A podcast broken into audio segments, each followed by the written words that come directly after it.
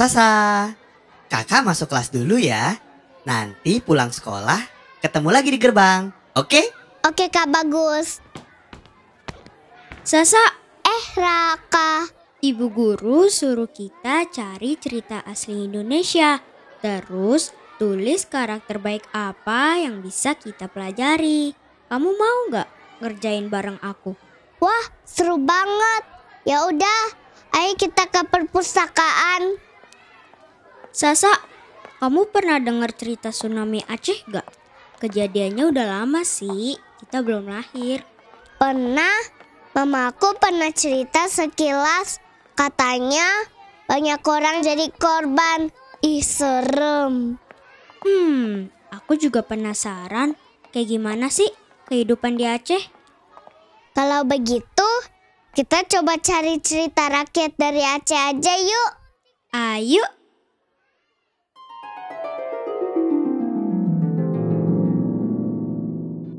Di Nangro Aceh Darussalam terdapat dusun terpencil. Di sana hidup seorang ibu bersama anak laki-lakinya yang bernama Banta Berensyah. Mereka hidup sangat sederhana di sebuah gubuk yang sudah reot dan ibunya bekerja menumbuk padi di rumah saudaranya. Banta adalah seorang anak yang rajin. Ia suka sekali bermain suling sambil mengembala kerbau. Suatu hari, Banta jatuh sakit, tapi ia bersikeras untuk menemani ibunya bekerja. Hari ini kau tidak usah ikut ibu bekerja. Kau istirahat saja, Nak. Aku tidak apa-apa, Bu. Aku mau menemani ibu bekerja. Tinggallah di rumah supaya kau lekas sembuh. Baiklah, Bu. Aku akan tinggal di rumah. Ibu Banta berangkat ke tempat saudaranya untuk bekerja, tapi tidak ada seorang pun di sana. Ibunya merasa kecewa karena ia jadi tidak mendapat upah di hari itu. Kenapa sepi sekali di sini? Apakah hari ini tidak ada padi yang harus ditumbuk? Kemudian ibu Banta pulang ke rumah. Ia melihat Banta yang demamnya semakin tinggi sampai menggigil. Bu, Ibu, aku lapar, Bu. Nak, sebentar ibu ambilkan kau air minum dulu ya, Nak. Minumlah dulu supaya kau ada tenaga. Ibunya mengambilkan air, lalu memberikannya kepada Banta. Tanpa disadari, ibunya meneteskan air mata. Ibu, kenapa Ibu menangis? Tidak apa-apa, Nak. Banta tahu kenapa Ibu meneteskan air mata. Ibu sedih karena hari ini tidak mendapatkan upah kan, Bu? Jangan terlalu dipikirkan, Nak. Ibu tidak apa-apa. Sabar ya, Bu. Ayo kita berdoa supaya bisa segera mendapat rezeki. Saat itu Banta sadar bahwa ibunya juga lapar. Ia kemudian bergegas pergi ke rumah pamannya, bermaksud untuk meminta beras. Tapi ibunya melarang Banta karena tahu bagaimana sifat saudaranya itu. Jangan, Nak. Kau tahu sendiri kan kalau pamanmu itu sangat perhitungan.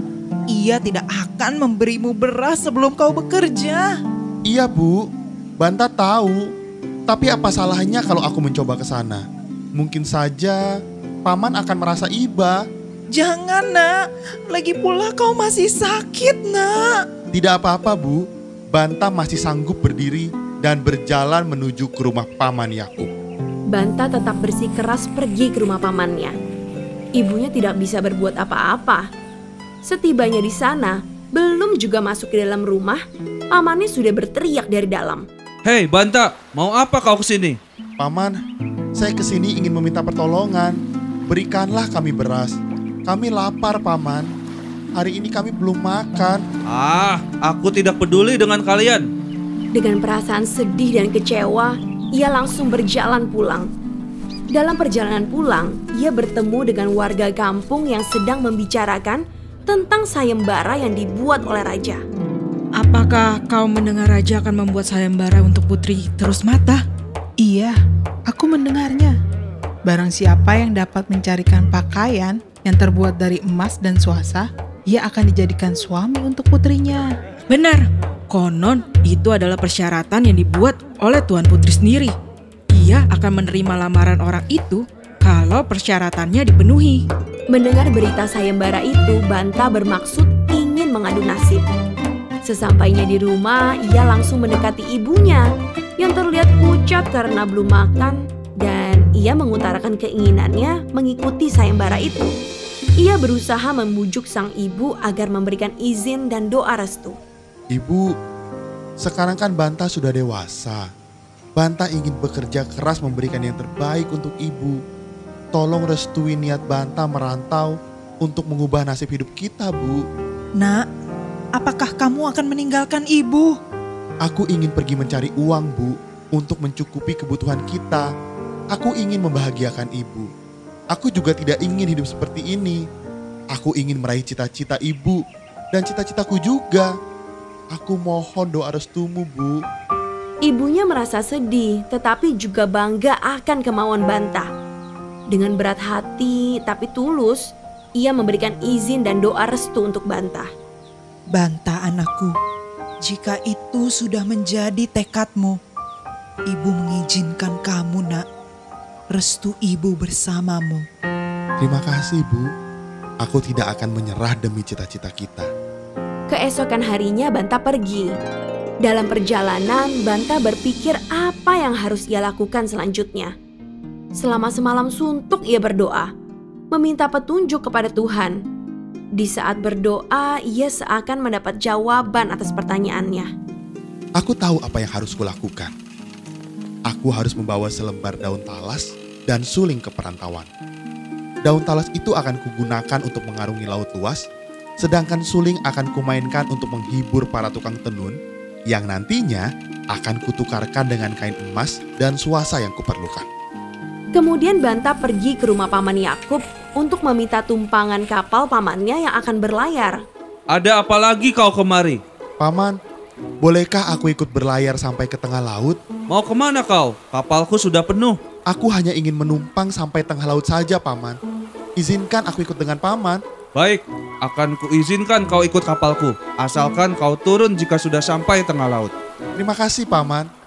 Banta pun ikut berlayar kapal milik pamannya. Begitu kapalnya sudah sampai di tengah laut, Banta minta diturunkan di sana. Paman, perjalananku dengan Paman sudah cukup sampai sini saja. Tolong turunkan aku dari kapal ini, Paman. Kamu yakin akan turun di sini? Iya, Paman. Turunkan aku di sini. Hei pengawal, berhenti di sini. Baik, Tuan. Sebelum turun dari kapal, Banta mengeluarkan lipatan daun talas yang dibawanya. Kemudian ia mendudukinya. Melihat hal tersebut, Paman Yakub tertawa. Hahaha, ada-ada saja kau. Mau kau apakan daun itu? Pengawal, turunkan anak ini ke laut. Biarkan saja ia tenggelam. Setelah Banta turun dari kapal, Paman dan para pengawalnya terkejut melihat Banta.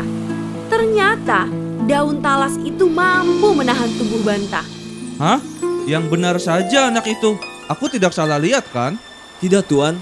Tuan tidak salah lihat. Daun talas itu mampu menahan anak itu. Dengan bantuan angin, daun talas Banta membawanya ke arah barat. Sedangkan pamannya menuju utara. Berhari-hari Banta terombang-ambing di atas daun talas. Dan akhirnya tiba di sebuah pulau. Wah, sungguh indah sekali pulau ini. Banta berjalan mengelilingi pulau itu. Ia melihat di setiap halaman rumah penduduk terbentang kain tenun berbagai motif yang sedang dijemur.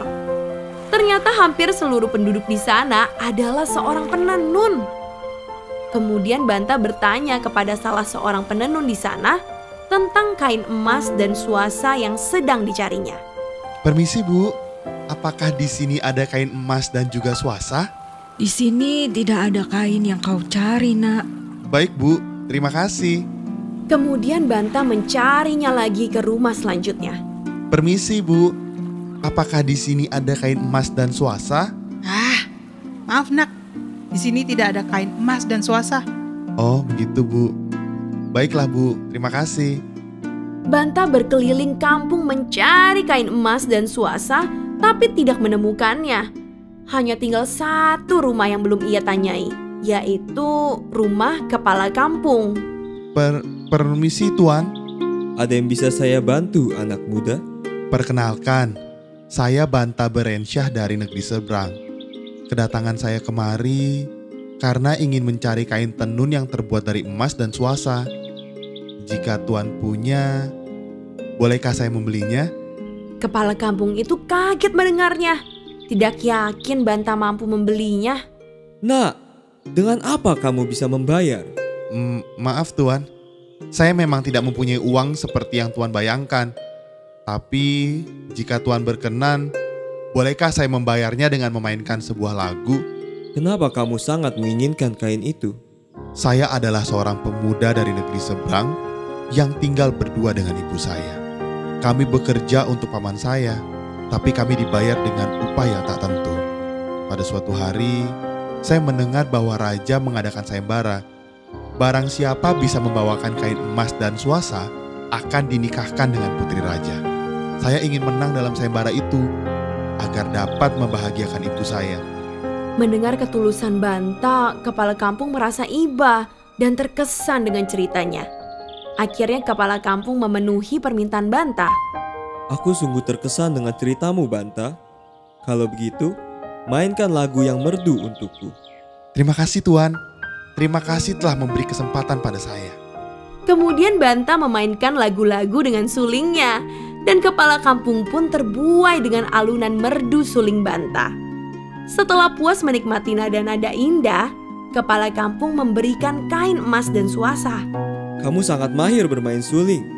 Lagu-lagu yang kau mainkan dengan sulingmu sungguh merdu, nak.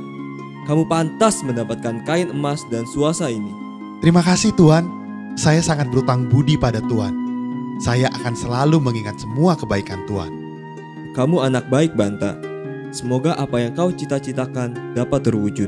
Amin Tuan. Sekali lagi terima kasih. Saya pamit undur diri Tuan.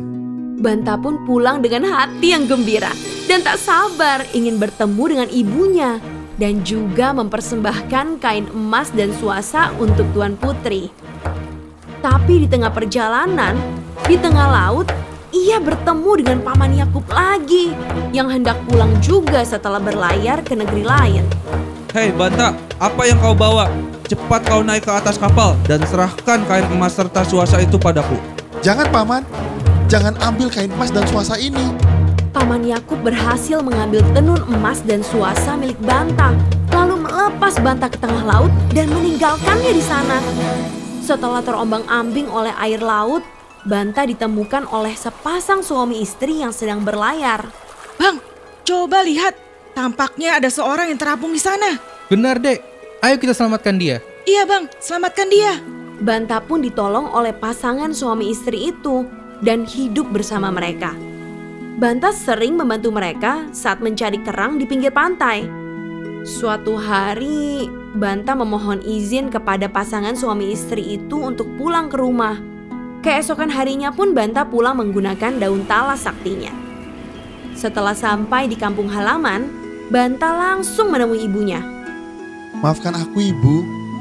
Sebenarnya aku berhasil mendapatkan kain emas dan suasa itu. Tapi di tengah perjalanan pulang di laut, aku bertemu dengan paman Yakub. Lalu paman merampas kain emas dan suasa itu. Sudah nak, tidak apa-apa. Ibu sangat mengerti perasaanmu. Mungkin belum nasibmu untuk mempersunting Tuan Putri. Tapi bu, Banta harus mendapatkan kembali kain emas dan suasa itu dari paman. Kain itu milik Banta, Bu. Semuanya sudah terlambat, nak. Hari ini pamanmu akan melangsungkan pernikahan dengan Tuan Putri. Tanpa berpikir panjang, Banta segera pamit menuju tempat di mana pesta pernikahan Tuan Putri dan pamannya dilangsungkan. Sesampainya di sana, ia mencoba menjelaskan kejadian yang sebenarnya terjadi, tapi ia tidak punya bukti bahwa kain emas dan suasa itu sebenarnya miliknya. Hentikan pernikahan ini. Hei anak muda, siapa kamu? Mohon maaf Baginda Raja, saya Banta Berensyah. Saya ingin menjelaskan bahwa kain emas dan suasa yang diberikan oleh Paman Yakub itu adalah milik saya. Paman Yakub merampasnya dari tangan hamba Baginda Raja. Apa buktinya kalau kain emas dan suasa itu milikmu anak muda? Banta hanya terdiam karena ia tidak dapat membuktikan bahwa kain emas dan suasa itu adalah miliknya. Saat itu juga Banta hanya bisa berdoa meminta pertolongan pada Tuhan. Begitu Banta selesai berdoa, tiba-tiba datanglah seekor burung elang yang terbang sambil bersuara.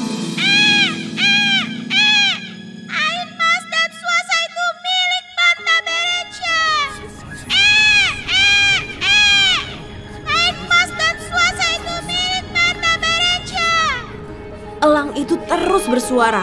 Suasana di istana pun sesaat berubah menjadi hening. Sehingga suara burung elang itu dapat terdengar jelas. Diam kau burung elang. Paman Yakub berusaha mengusir burung elang itu, tapi tak bisa. Dan akhirnya raja dan putri terus mata menyadari bahwa paman Yakub adalah orang serakah yang telah merampas milik orang lain. Sementara paman Yakub semakin gelisah dan wajahnya berubah menjadi pucat. Karena tak tahan lagi menahan rasa malu, ia mencoba kabur lewat jendela. Tapi kaki paman Yakub tersangkut jendela yang mengakibatkan ia jatuh dan tewas seketika. Setelah itu Banta Berencia dinikahkan dengan putri raja. Banta Berencia, ternyata benar yang kau katakan. Yakub sangatlah culas. Dengan ini aku nikahkan kau dengan putriku. Setelah itu Banta pun diangkat menjadi raja menggantikan ayah Tuan Putri. Mereka pun hidup berbahagia bersama ibu Banta Berencia. Yeay, akhirnya Banta menjadi raja. Doa Banta didengar Tuhan, sehingga ada elang sakti yang membantunya. Akhirnya juga Paman Yakub menerima akibat dari ulangnya sendiri. Hebat sekali ya semangatnya Banta. Aku bangga sekali. Setuju, Banta mantang menyerah dan terus berdoa untuk meraih cita-citanya. Aku jadi semangat juga meraih cita-citaku. Tapi aku penasaran, kira-kira Pak Kepala Desa ikutan joget nggak ya pas Banta main suling? Ye, itu mah kamu, Sa. Hai